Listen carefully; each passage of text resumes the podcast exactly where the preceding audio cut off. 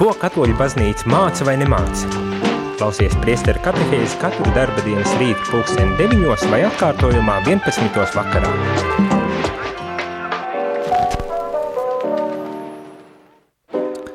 Labrīt, labrīt, rādījumā arī klausītāji šeit es, priesteris Jānis Meļņakaus un kārtījā rīta katehēzi. Šajā rītā turpinam to, ko vakar uzsākām, un tas ir uh, sarunu par nākošo Vatikānu koncila dokumentu, kas ir veltīts uh, reliģijas brīvībai ar nosaukumu Dignitātis Humane. Vakar mēs uzsākām tādu ievadu, nelielu ievadu par šo dokumentu, vispārīgu priekšstatu gūstot, uh, balstoties priestera Paula uh, Kļaviņa uh, ievadu vārdos šim dokumentam, bet tagad mēs lasīsim pašu dokumentu un pārdomāsim kopīgi šīs atziņas, kas ir ietvertas uh, Vatikāna otrā koncila deklarācijā par reliģijas brīvību dignitātes humane. Arī šajā rītā, tāpat tās kā visus citus rītus, to es aicināts iesaistīties šajā katehēzē, uzdodot jautājumus vai varbūt tās padaloties ar savu izpratni un pieredzi tādajādi palīdzot, palīdzot varbūt tās daudz, padarīt daudz interesantāku šo šo katehēzi un arī, protams, protams aktuālāk varbūt arī tev ar kādiem piemēriem, varbūt tās tev ir kādi piemēri, ar kuriem tu vēlies padarīt, padalīties tajā, kā tu piedzīvo savu reliģijas brīvību vai kādas īpašas lietas esi novērojis sabiedrībā kopumā attiecībā uz šo jautājumu. Telefona numuri ir bez izmaiņām, tie paši īsiņām 266 77 272, bet zvaniem 6 679, 691, 31. Tā kā droši raksti vai zvani, iesaisties un uh, risinam šo tematiku, kas, kā jau vakar arī teicu, ir ārkārtīgi būtiska un, un aktuāla. Un, ja šķita kādreiz, kad esam nonākuši līdz zināmam tādam līdzsvaram sabiedrībā, kur tiešām tiek respektēta dažādība un daudzajādība, tad eh, šobrīd šķiet, mm, nu, mēs ejam pretējā virzienā. Varbūt tās tāpat varētu teikt, uh, kur um, nu, jau šī nu, mūsu izpratnē uh, liberālā demokrātija jau tik ļoti mēģina neutralizēties, kad izspiež reliģiju ārā no uh, sabiedriskās dzīves, padarot tikai par tādu privātu un individuālu lietu, kurai nav tiesības nekādā veidā paust savu um, no, nostāju uz jebkādiem jautājumiem. Un līdz ar to vienā brīdī arī nonākot līdz tam, kad uh, arī tiek apspiesta vai um, liekta iespēja būt reliģi, reliģiski brīvam cilvēkam un, un ļauties, lai tad arī tava pārliecība, arī reliģiskā pārliecība būtu tā, kas tad arī nosaka un vada manu dzīvi. Nu, tas ir mans priekšstats, varbūt tās kāds iebilst pret to, tad dodat ziņu katrā ziņā. mēs tad varam parunāt un paspriest, un varbūt tās jums, jums ir ne, pretējs viedoklis un nu, uzskati. Bet viena lieta, kas tiek pilnīgi noteikti un bez pārpratumiem uzsvērta, kad šī reliģiskā brīvība ir jānodrošina. Katrs indivīds, kā domājošs cilvēks, gribas teikt arī Dieva radīts cilvēks, ir radīts brīvs cilvēks, un viņš, viņam ir tiesības balstoties savā sirdsapziņā un pārliecībā, tad arī veidot savu dzīvi. Robežas, protams, par robežām ir grūti runāt, bet robežas, kā vakar ar kāda no klausītājiem jau rakstīja, ir otra cilvēka brīvības, un kas nozīmē, ka mums jāmācas vienam otru respektēt un cienīt, pat tad, ja varbūt tās es nepiekrītu šī otra cilvēka pārliecībām, uzskatiem un, un dzīves principiem, pēc kā viņš vadās, viņš vai viņa vadās, vai ne? Nu jā, bet tāpēc jau laikam mums ir dots 70, labākajā gadījumā 80, kā Bībele saka, lai mācītos šo cieņu vienam pret otru un cieņu, respektu un otru cilvēku brīvību un tiesības uh, izdzīvot savu dzīvi atbilstoši tam pārliecībām, uzskatiem um, un dzīves principiem, kurus nu izvēlas.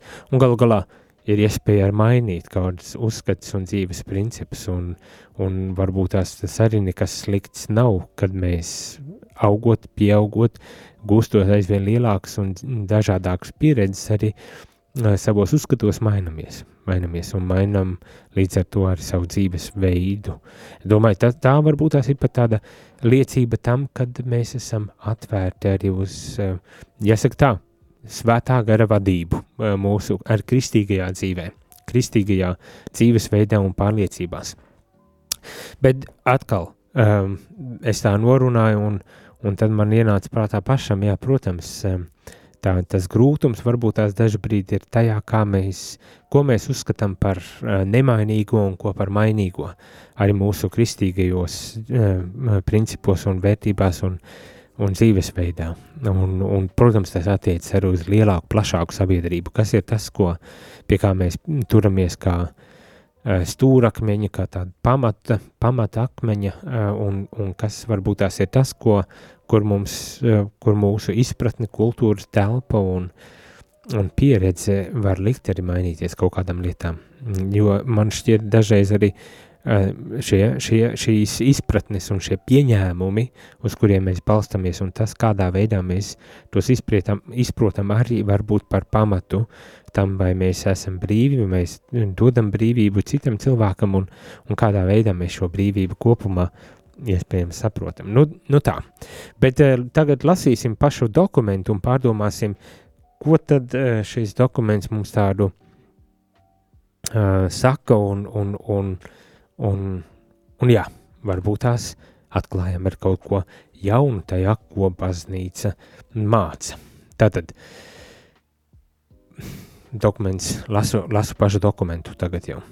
Um, aizvien biežāk atskan prasība ļaut cilvēkam rīkoties pēc savas iniciatīvas un ar atbildīgu brīvību, nevis piespiedu kārtā, bet saskaņā ar savu pienākumu apziņu. Arvien biežāk izskan aicinājumi ļaut cilvēkam rīkoties pēc savas iniciatīvas un atbildīgu brīvību, nevis piespiedu kārtā. Aizvien biežāk man tā šķiet, um, mūsdienās tas ir šī, šī pašiniciatīva un brīva atbildība, um, nepiespied, tas ir tāds kā pamat, pamat, pamatu pamats, uz kuru mēs um, veidojam sabiedrību un arī uz kura mēs cenšamies virzīt ik viena um, cilvēka uh, attīstību, nu, kad viņš būtu spējīgs uh, patstāvīgi, brīvi un ar savu iniciatīvu rīkoties, pieņemt lēmumus, rīkoties un būt atbildīgs par uh, savām rīcībām. Tas tāds, manuprāt, ir jau uh, kā teikt, viens no pamatakmeņiem, uz, kuram, uz kuriem mūsu sabiedrība kopumā balstās. Un tas, protams, arī nozīmē to, ka un, un, teikt, reliģiskās kopienas uh, atzīst, un kā mēs jau vakar arī uh, dzirdējām šajos ievadvārdos, kad uh, reliģija ir bijusi arī, um, nu, teikt, tas um, virzītājs spēks šai atziņai, kad cilvēks ir brīvs, un kad viņš var balstīties uh, savu, savā uh, dzīvē tajos principos, kurus viņš izvēlas uh, par pamatu uh, uh, savai dzīvei.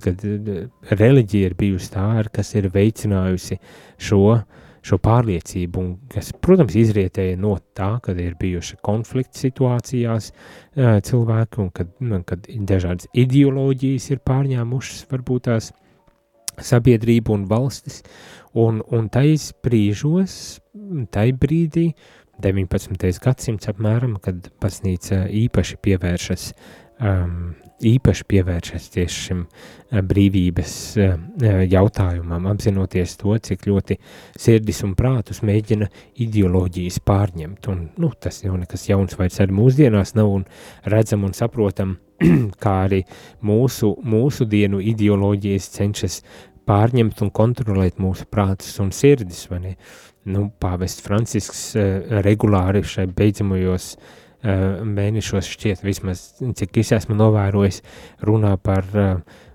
tā saucamo genderisma ideoloģiju, kas, kas ļoti spēcīgi grib tagad uh, kontrolēt mūsu prātus un arī sirdis tajā skaitā, vai ne?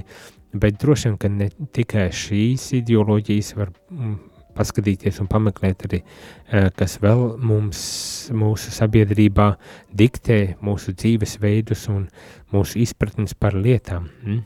Jā, un ātri vien nonāk pie secinājumiem. Bet tā tad baznīca atpazīst to, kad ir šī uh, pieaugošā, uh, pieaugošā vēlme pēc pašnoteikšanās, iniciatīvas un brīvas atbildības, un, un ko nevar panākt, protams, nevar panākt ar, ar piespiedus kārtu kaut kādā veidā. Tāpat tiek pieprasīts ar likuma ierobežot valsts varu, nosakot tās robežas, lai netiktu pārmērīgi skarta personu un apvienību pienācīgā brīvība. Vēl viens uh, uh, uzstādījums, kas, kas arī uh, iezīmē jau uh, mūsu modernās tendences, kad uh, likumdošanai ir uh, jā, jā, jānoliek robežas, jānoliek robežas, un šeit, protams, arī um, tiek runāts tieši par valsts varu, tātad par val, valsts aparātu un kādas tad ir robežas iejaukties cilvēka uh, personīgajā dzīvē, tad jāsaka arī, arī tā, vai ne? Mm, un, un tās robežas, kurās uh, Eh, kuras eh, valstī nav eh, jāpārkāpj nekādā veidā. Un atkal, te mēs jau, te mēs jau redzam, mūsu sabiedrība man šķiet cenšas tā kā iet, no tā liberālais uzstādījums ir tādu kā neutralitāti, iet tādu kā neutralitāti. Protams, ka tas arī ir tāds, nu, gribas teikt, ideoloģisks apgalvojums, neutralitāte, jo ko tas patiesībā nozīmē, un vai tas ir vispār iespējams, un vai tas ir iespējams tādā uh, institucionālā likumdošanas formātā iespējams, vai ne, bet arī aiz, aiz, aiz šīm struktūrām jau stāv, sēž vai ir cilvēki, un, un viņi arī būs ar savām pārliecībām, un, un es domāju, skaidrs ir, ka tā neutralitāte, glorificētā neutralitāte nevienmēr nu, ir sasniedzama, un varbūt tas pat nevienmēr arī ir vēlama ja tā varētu teikt. Pieļauju, ka um, balstoties, piemēram, Ignācija tradīcijā, jezuītu tradīcijā, arī tiek runāts par tādu indiferenci, kā garīgu uh, dzīves um, principu, tais brīžos ir īpaši, kad mums ir jāpieņem kādi lēmumi. Un nu, tas uzstādījums nav, kad man ir pilnīgi vienalga, kas ar mani notiek, vai ar man tuviem mīļiem cilvēkiem, vai ar sabiedrību notiek, uh, bet, eh, bet uzstādījums ir tāds, ka um, saskaroties ar, ar to realitāti, kādā mēs esam, un apzinoties to, ka man ir savas uh, vēlmes, um, lietas, kurām es dodu priekšroku, tomēr palikt uh, līdzsvarā un neslēgties uz vienu vai otru pusi, pirms lēmums netiek uh, pieņemts. Ne? Mēs arī garīgajā dzīvē runājam par šādiem principiem, taču Um, taču šajā mūsu pasaules tādā uzbūvē neutralitāte principā lielos mēros tiek saprast kā tāda um, noteiktu, noteiktu principu pieņemšana, nu, kas izslēdz reliģiju, piemēram. Un, Un vai tā vairs ir neutralitāte, to jau mēs varam apšaubīt. Bet, nu, kāds varbūt tās var pierādīt, ka tā tiešām ir neutralitāte, uzskatot, ka uh, noteikts dzīvesveids ir neitrālāks par uh, citu uh, dzīvesveidu. Nu jā, es te jau tādā filozofēšanā aizēju. Bet katrā ziņā ir, ir pamata principi, kas tiek, uz ko tiek aicināta sabiedrība. Tātad vispirms atzīt to, ka mums visiem ir uh, Eh, tiesības uz tādu atbildīgu brīvību un pašiniciatīvu, nepiespiestu, bet arī uz to, ka ir valsts uh, likumdošanā jānosaka arī robežas, kas um, garantē vai vismaz cenšas garantēt šīs pienācīgās brīvības. Un šī prasība pēc brīvības sabiedrībā galvenokārt attiec uz cilvēka garīgajām vērtībām, jo īpaši brīvu reliģijas uh, praktizēšanu sabiedrībā. Tātad šeit tiek izcelts arī šis um, gar, garīgās vērtības, uz, uz, uz ko jo īpaši ir jāpielieto šīs um, brīvības princips un, protams, arī reliģiju. reliģiju jo pilnīgi dabiski, kad um, ir ar lietas sabiedrībā, kuras, kuras ir vienkārši jārisina. Vēl nesen kā bija piedalījos vienā seminārā, kur arī tāds piemērs no garīgās dzīves tāds piemērs tika dots, kā jautājums par to, vai klosterī, piemēram, vajag mazgāt toliti vai nevajag mazgāt toliti, nav jautājums par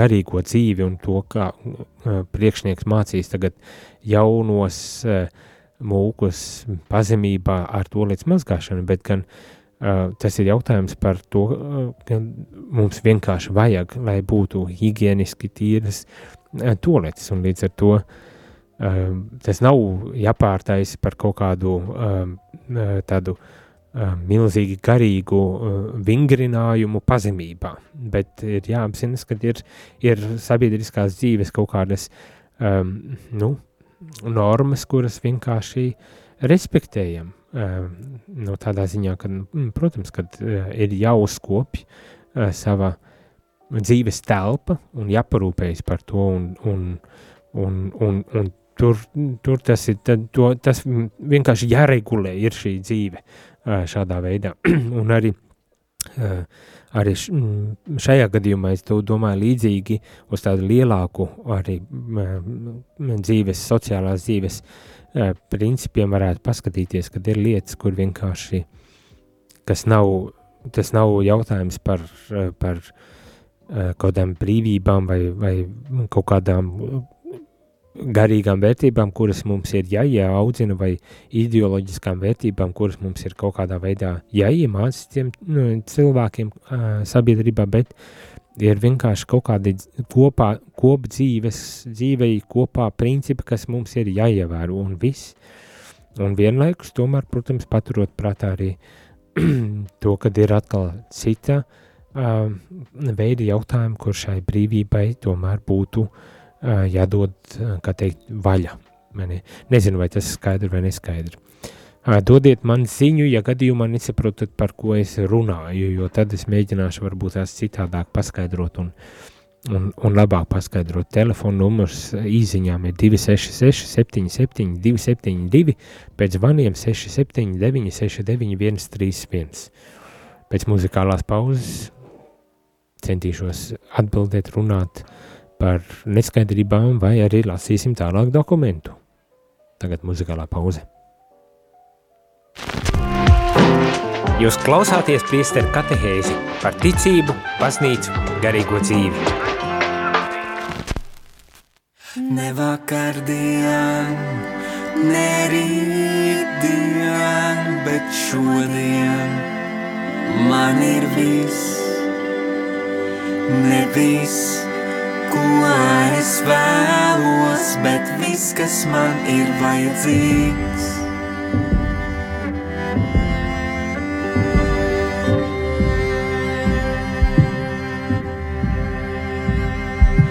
dziļumā, kur zemi nevar aizsniegt, ļaut ūdenim sevi nest un skatīties debesīs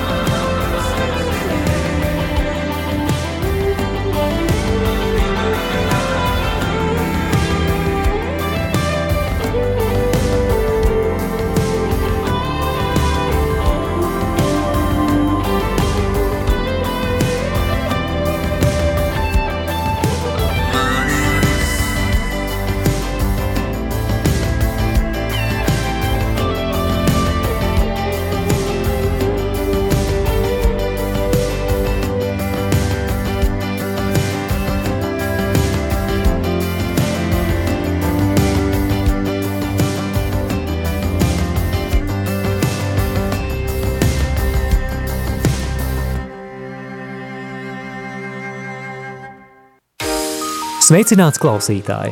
Ja tu dzirdi šo aicinājumu, visticamāk šī radiostacija tev ir kalpojusi stiprinot ticību un palīdzot ikdienā iet kopsolī ar baznīcu. Tas ir bijis iespējams pateicoties daudzu brīvprātīgu pūlēm un klausītāju ziedojumiem. Aicinu tevi iesaistīties Radio Marija Latvijas misijā, ziedojot radio pastāvēšanai. Tikai tā šī radiostacija varēs turpināt kalpot dievam un cilvēkiem arī turpmāk. Mēs zinām, ka daudziem no mums šis laiks ir izaicinošs arī finanšu jomā. Tomēr katrs ziedotais cents radio Marija darbībai ir ieguldījums tajā, kas ir nezūdošs. Lielas paldies par katru ziedojumu! Lūdzamies jūsu nodomos ar apakstuļa Pāvila vārdiem, lai Dievs dod jums visādu žēlastību, ka jums ar vienu ir pilnīga iztikšana un vēl pietiekoši pāri paliek labiem darbiem.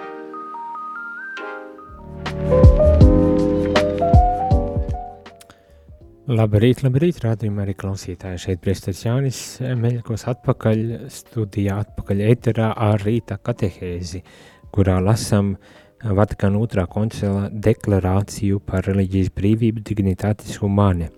Pievēršamies un lasam pašu dokumentu jau un pārdomājam tās atziņas, ko mums piedāvā šis, šis dokuments, ko piedāvā baznīca, kā tādu mūsu ticības dzīves ceļa pamat orientierus arī šajos jautājumos, kas skar tieši brīvības jautājumus.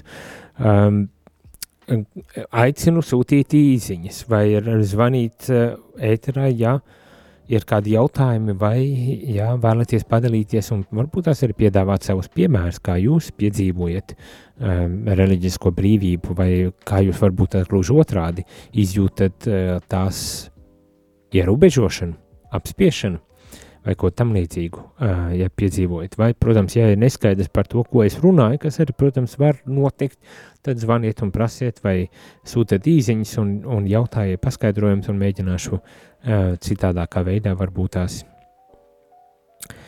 citādākā veidā varbūt tās arī um, paskaidro kaut kādas, uh, kaut kādas lietas.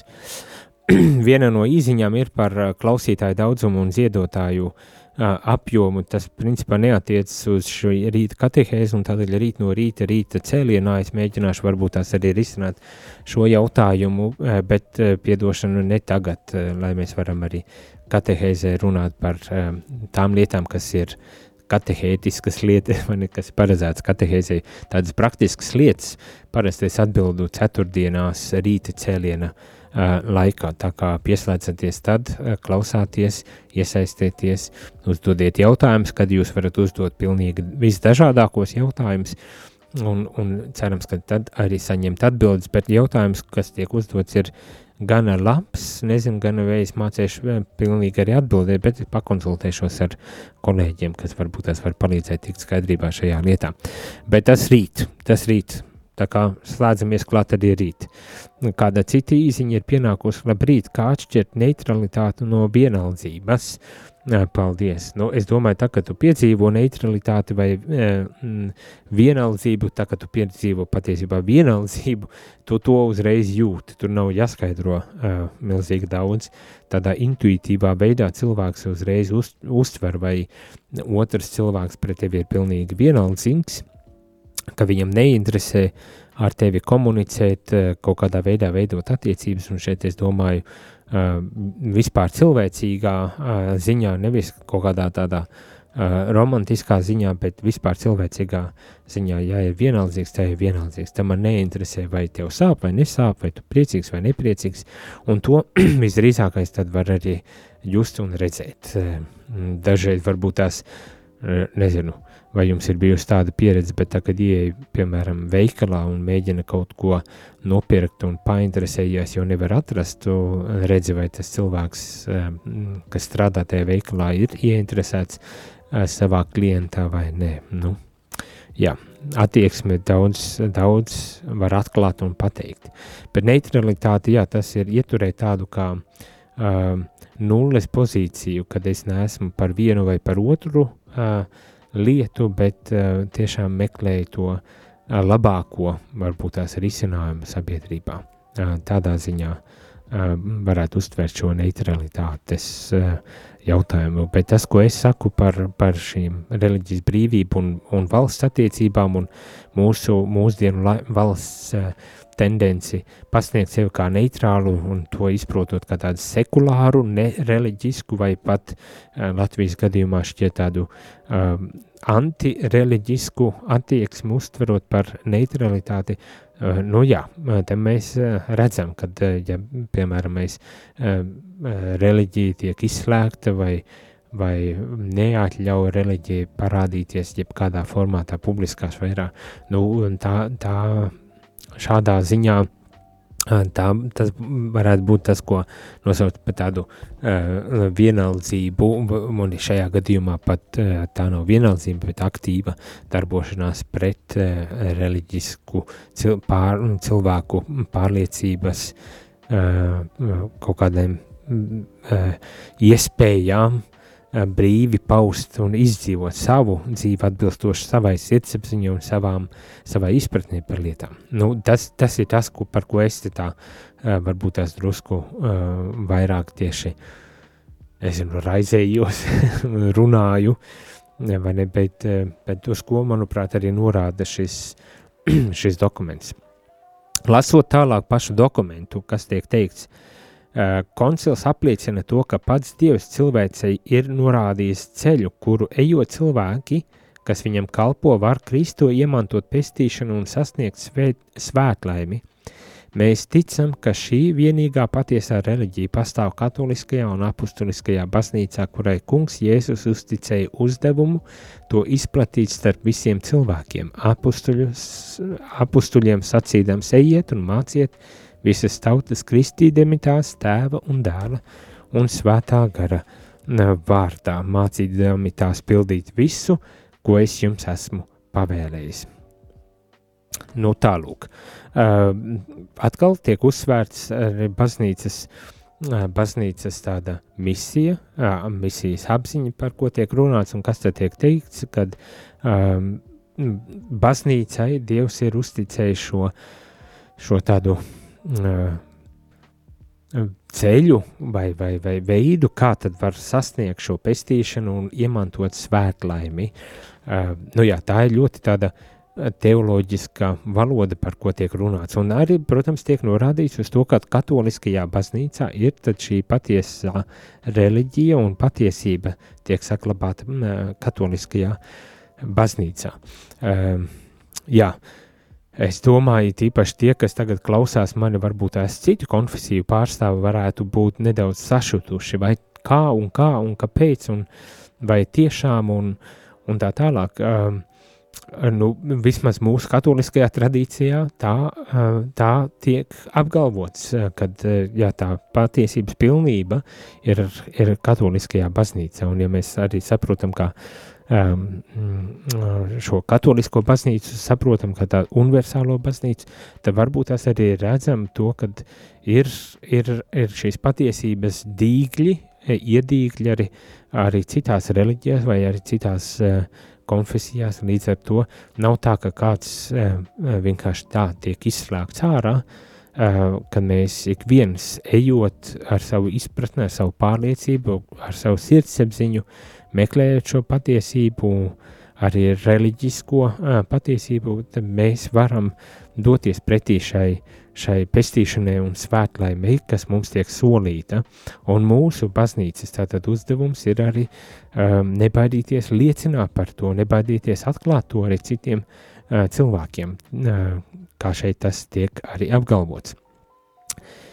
Um, tālāk tiek apgalvots arī, ka cilvēkam ir pienākums meklēt patiesību, patiesību, it īpaši to, kas attiecas uz Dievu un viņa baznīcu, bet, kad patiesība iepazīta, to pieņemt un būt uzticīgiem. Tātad pienākums ir meklēt patiesību. Cik, cik daudzi no mums meklē patiesību? Jautājums. Vai, vai tu radio klausītājiem meklē patiesību? Tas, manuprāt, ir arī tāds jautājums, par kuru mums vajag aizdomāties. Un, uh, un, un kuru dažreiz ir vērts arī parunāt. Un, un, protams, atkal tie, šie jēdzieni ir ļoti lieli un, un piesātināti gan ar, vēsturisko kaut kādu izpratni, gan ar teoloģisko izpratni un filozofisko kaut kādu izpratni un visiem, visām šīm lietām arī kultūra konteksts tajā visā būs un, un tomēr jautājums par patiesību, kas tad ir šī patiesība, uh, ir vienmēr aktuāls un, un vienmēr ir jāmeklē un ja vienmēr ir jārisina. Man šķiet, um, arī mēs kā katoļi nevaram būt mierīgi uh, un, un, un nemeklēt patiesību. Mums arī pat kā katoļiem ik, rei, ik, ik reiz, kad mēs saskaramies varbūt tās ar uh, kaut kādiem izaicinošiem jautājumiem, esam aicināti tad arī meklēt, kāda ir patiesība, kāda ir mana uh, arī rīcība šajā kontekstā. Un es domāju, nu, tie ir tie jautājumi, kas mūsdienās ir tie aktuālie jautājumi, kas mūsdienās ir tie arī nokaitētie jautājumi. Meklēt, kāda tad ir patiesība un, un, un ar tīru sirdsapziņu, ar tīru apziņu to arī darīt, ne? Un nebaidīties, nebaidīties uh, no šīs patiesības, kas, kas ko var atklāt, vai ne, ko, pie kuras var arī nonākt. Un tas atkal, tas nebūtu nav viegls um, uzdevums, kas mums ir uzticēts, un uh, pienākums, kas no mums tiek sagaidīts, un, un ko baznīca izvirza par tādu būtisku arī kristīgās dzīves uh, um, nu, attieksmi, varētu tā varbūt tās pateikt. Šajā gadījumā lasot šo dokumentu, kurā tiek uzlikts par pienākumu meklēt patiesību. Manuprāt, tas ir tiešām tāds ļoti būtisks kristīgās dzīves uh, elements, būtiska kristīgās dzīves attieksme, uh, meklēt patiesību uh, un, un neapstāties, ne? un saskaroties ar um, nebijušām, jaunām, nepazīstamām, nepazīst, tamām situācijām vai arī jautājumiem nebaidīties meklēt patiesību un, un, un dzīvot saskaņā ar šo patiesību. Bet, nu jā, tā ir liela, liela tēma, par kur mēs varētu vēl un dikti un daudz arī runāt. Iesim muzikālā pauzē, pēc kā atgriežamies un uh, paturpinam uh, lasīt šo dokumentu vai atbildēt uz jautājumiem saistībā ar šo rīta katehēzi un tematiku, ja tādi būs, bet pēc brīža esam atpakaļ. Jūs klausāties priesteru katehēzi par ticību, baznīcu, garīgo dzīvi.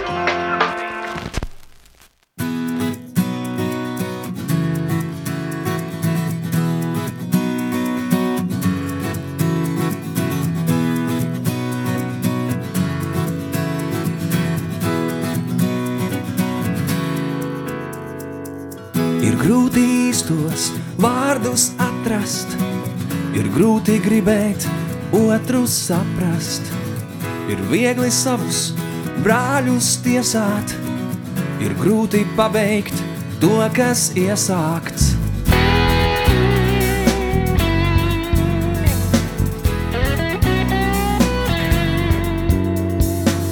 Ir grūti vētrā čukstus dzirdēt, Ir viegli pārēsties un smirdēt, ir viegli vējam līdzi plīvot, ir viegli nomirt, grūti dzīvot. Kāds esi tu, kāds esmu es? Kādi esam mēs? Kāds esi tu, kāds esmu es? Kādi esam mēs?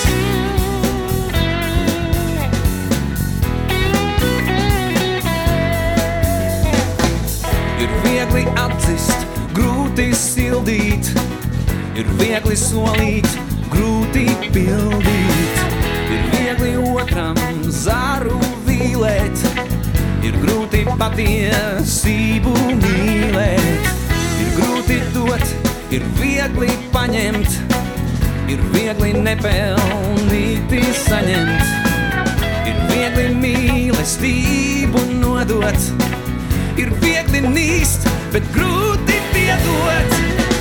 Kāds esi tu, kāds esmu es? Kādi esam mēs? Kāds esi tu, kāds esmu es? Kādi esam mēs? Vai viss, kas spīd, ir patiesa zelts? Tiržu altāriem, kas celts, vai derīgs viss, ko darīt ļauts, jo tas, kas ēs, tiks arī pļauts. Kāds esi tu, kāds esmu es? Kādi esam mēs, kāds esi tu, kāds esmu es? Kādi esam mēs, kāds esi tu, kāds esmu es? Kādi esam mēs, kāds esi tu, kāds esmu es? Kādi esam mēs, kāds esi tu, kāds esmu es? Kādi esam mēs, kāds esi tu, kāds esmu es? Kādi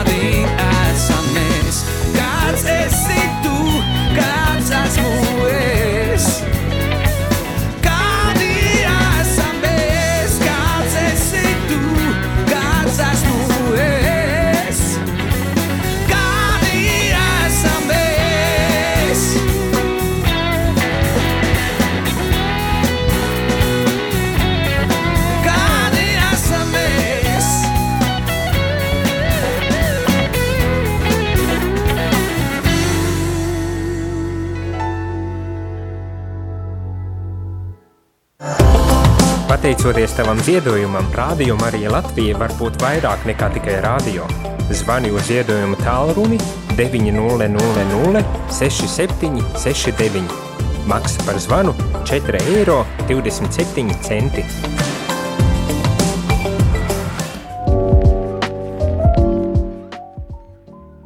Labrīt, labrīt, radījumā arī klausītāji, šeit es, Presters Jānis, un rīta katehēze, kurā mēs eh, lasām Vatikāna otrā koncila deklarāciju par reliģijas brīvību, dignitātis humane, un šajā rītā, šajā uh, rīta katehēzē īpaši lasām šādu galvenās tādas pamat atziņas, ievad atziņas šajā dokumentā par reliģisko brīvību, kur principā tiek pateikts tas, ka cilvēkam, mūsdienu cilvēkam ir aizvien pieauguša, pieauguša vēlme un arī tiesības eh, līdz ar to eh, pašnoteikties un būt brīvam savās, eh, savās atbildīgi brīvam savā dzīvē, savās izvēles, savā arī rīcībā, turklāt arī nosakot to, ka valsts likumdošana ir jābūt tādai, kas parūpējas par šīm brīvībām, un tā skaitā arī reliģisko brīvību, ko nevar, eh, nevar apspiest nekādā veidā.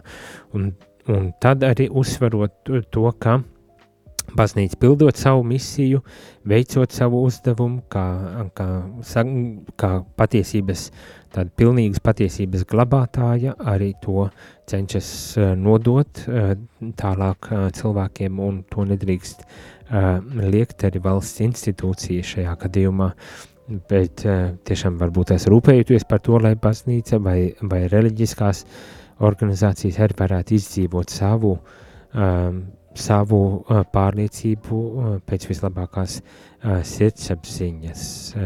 Un tad uzsverot ar to, ka cilvēkam ir pat pienākums meklēt pat, patiesību.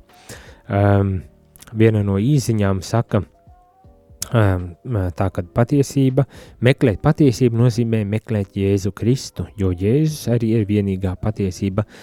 Alleluja! Pilnīgi piekrīt, ka tā tas arī ir. Tiešām meklēt patiesību ir meklēt Jēzu uh, Kristu. Jautājums, ko tas nozīmē? Un ko tas nozīmē tā, mm, šādā situācijā? Mēs zinām, ka uh, skolotāji streiko pret valdības uh, pieņemtajām, pieņemto kārtību, kā tiek paaugstinātas algas skolotājiem. Kāda ir patiesība šajā situācijā? Mm? Ko tad man teiksiet? ne? Nu, kāpēc es to saku? Jo dažreiz uh, tā meklēt patiesību, meklēt Jēzu, pilnīgi pareizi, bet ko tas praktiski nozīmē? Un dažreiz cilvēkiem ar tādām vispārīgām, skaistām un, un labām teoloģiski pareizām frāzēm patiesība ir Jēzus, mēs, mēs neko neatbildam. Tāpēc, lai arī tā ir, patiesība mums ir jāspēj runāt un skaidrot šo patiesību tā, lai, nu, saprast, bet kāda tad būs mana rīcība šajā gadījumā. Kāda mana, mums ir daudz arī mums ir gan katoliskās izglītības iestādes, gan arī uh, kristieši un, un tā skaitā katoļi, kuri strādā arī citās nekatoliskajās, uh, teiksim, sekulārajās uh, skolās un kuriem arī šobrīd tas jautājums, kā viņiem rīkoties, kas vadīs viņu rīcību šajā jautājumā, kāda ir patiesība vai viņam e, pazemīgi jānoliec galva un jāturpina strādāt neiebilstot e, pret to, kas notiek, vai tomēr iet e, streikā un, un to darīt. Un, un varbūt tas, tas nav tikai par streikošanu, bet kopumā par šo darbu, darba vidi un, un, un attieksmi un tā tālāk. Nu jā, kāda ir patiesība? Nu, uz ko es aicinu ir nedaudz vairāk varbūt tās domāt un runāt par to, un, un ar, ar tikai tādām labi teoloģiski pareizām frāzēm, um, tā kā neno, nenoraut sarunu pēc būtības, vai ne, neapstādināt, ne nobremzēt sarunu um, pēc būtības uh, par šo, par šo lietu. Ļoti pareizi atbilde, ne pārprotiet man ļoti pareizi atbildi, bet mums kā kristiešiem, kā katoļiem arī ir jāmāk runāt par šo uh, patiesību, kas ir Jēzus, un, un to atklāt ļoti konkrētās, reālās vietās, situācijās, apstākļos, jautājumos. Un, protams, kad aiziet par uh, nu, mums um, ļoti vienmēr ļoti sakaitētas sarunas ir par seksuālo ētiku, morāli, vai ne? Tad tur, jau, tur jau mm, tas var pārvērsties par veselu karu. Bet jā, patiesība ir Jēzus, un, un kā mēs to atklājam, tad šo patiesību ikvienam cilvēkam, ne tikai katoļiem, kuriem tāpatās jautājums, bet ko tas nozīmē, bet ikvienam citam, arī kristietim un pat nekristietim. Noslēgumā vēlos nolasīt vēl vienu atziņu, kas šķiet ir ļoti uh, skaista, laba un kas uh, varētu būt arī izaicinoša. Nu, tātad klausamies, lasu. Um, koncils uzsver arī to, ka šie pienākumi skar, šie patiesības meklēšanas pienākums skar un saista cilvēka sirdsapziņu, un ka patiesība sevi neuzspiež citādi kā vien pašas patiesības spēkā un pārņem cilvēku prātu saudzīgi un vienlaikus pārliecinoši. Patiesība neuzspiež sevi cilvēkam, bet šī patiesība, patiesības spēkā var pārliecināt cilvēku, un to dara saudzīgi un vienlaikus pārliecinoši. Tad patiesībā ir, kā šeit saprotam, pēc būtības, kad šai patiesībai pēc būtības ir pārliecinošs spēks, bet viņa nevar būt vardarbīga. Un, un, un viņa ļoti, kā šeit tiek teikts, uh, saudzīgi un vienlaikus pārliecinoši to arī izdara. Arī mums, kā kristiešiem, kā katoļiem, dzīvojot mūsu pārliecību un mūsu uh, ticību, um, ir jādzīvo tā, um, nu, es gribētu teikt, uh, tieši tā kā šeit tiek teikts, ļoti saudzīgi un vienlaikus pārliecinoši, un to mēs varam izdarīt tā, kad paši esam autentiski savā ticībā, pārliecībā, un ka to mēs arī autentiski un pārliecinoši izdzīvojam. Ne vārdarbīgi, bet ar savu dzīves piemēru, paraugu, pārliecinoši, saudzīgi un pārliecinoši arī izdzīvojam. Jā. Bet jā, tas ir uzdevums, kas mums ir uzticēts visas dzīves garumā un kur mums ir uh, Es domāju, ik reizes, kad saskaramies īpaši ar jaunām situācijām un jaunām pieredzēm, tad arī ir jārisina. Nebūtu nevienkārši un viegli. Bet, jā, citi ceļi, es domāju, mums kā kristiešiem nemaz nav. Bet šo rīta katehēzi noslēgsim ar telefonu zvanu. Lūdzu! Lai slavēts Jēzus Kristus. Mūžīgi mūžos. Ziniet, es gribēju jums pateikt um, savas domas tieši um, nu, par to uh, vakardienas gājienu, jā? Jā, jā. Es jums pateikšu tā, manas domas ir tādas, ka cilvēki ietu mazāk un, un varbūt uh, būtu tādi tolerantāki un neprotestētu, ja valdība tik ciniski šajā situācijā nebūtu sev cēlusi algas. Tik, tik ļoti, jā, un tik, un tik nežēlīgi neskatoties uz pārējo situāciju. Nu, un tad tagad ir jautājums, kur tad ir tā taisnība no valdības puses un no cilvēkiem. Paldies! Paldies jums! Tiešām uh, uh, lab, labs jautājums vai laba pārdomā un, un, un tāds skatījums uz šīm, uz šīm lietām. Jā, uh, jā, tiešām, ja nebūtu novērota netaisnība šajā visā procesā, tajā, kā tiek celtas, kam tiek paceltas algas un, un kam netiek paceltas šīs algas, tad visdrīzākais tas arī neizraisīt šos protestus. No otras puses arī gribas teikt, ka šādi protesti ir civilās sabiedrības viens no līdzekļiem, kā izdarīt spiedienu uz valdību uh, arī tais brīžos, kad ir novērojama netaisnība. Līdz ar to Ehm, šis, šis gājiens arī nav nekas uh, nosodāms vai, vai jā, nosodāms un, un, un um, um, kā teikt, neiet pretrunā arī kristīgajām dzīvesveidam. Tā kā, jā, bet es piekrītu, ja nebūtu netaisnība, tad arī nebūtu uh, tāda gājiena. Uh, tā arī tiesa.